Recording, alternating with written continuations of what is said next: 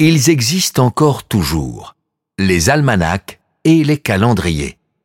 À l'époque de Plantin, les almanachs servent à signaler les dates d'événements importants, mais aussi à diffuser du savoir.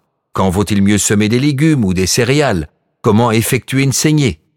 Et ils contiennent des prévisions sur les inondations, les guerres, les éclipses par des sauterelles, etc. Ce sont souvent des médecins qui composent ces calendriers, comme entre autres le célèbre médecin et astrologue français Nostradamus. Tout le monde utilise des almanachs, et au siècle de Plantin, Anvers en est le principal centre de production. Cela représente en d'autres mots un marché très important pour Plantin et pour ses collègues. Cependant, très peu d'almanachs sont conservés. La plupart finissent dans des décharges publiques ou comme papier toilette. Il en va ainsi des produits de masse. Les placards reflètent aussi très bien la vie quotidienne à Anvers. Ces affiches diffusent les ordres et les interdictions que la ville décrète et fait placarder pour en informer la population.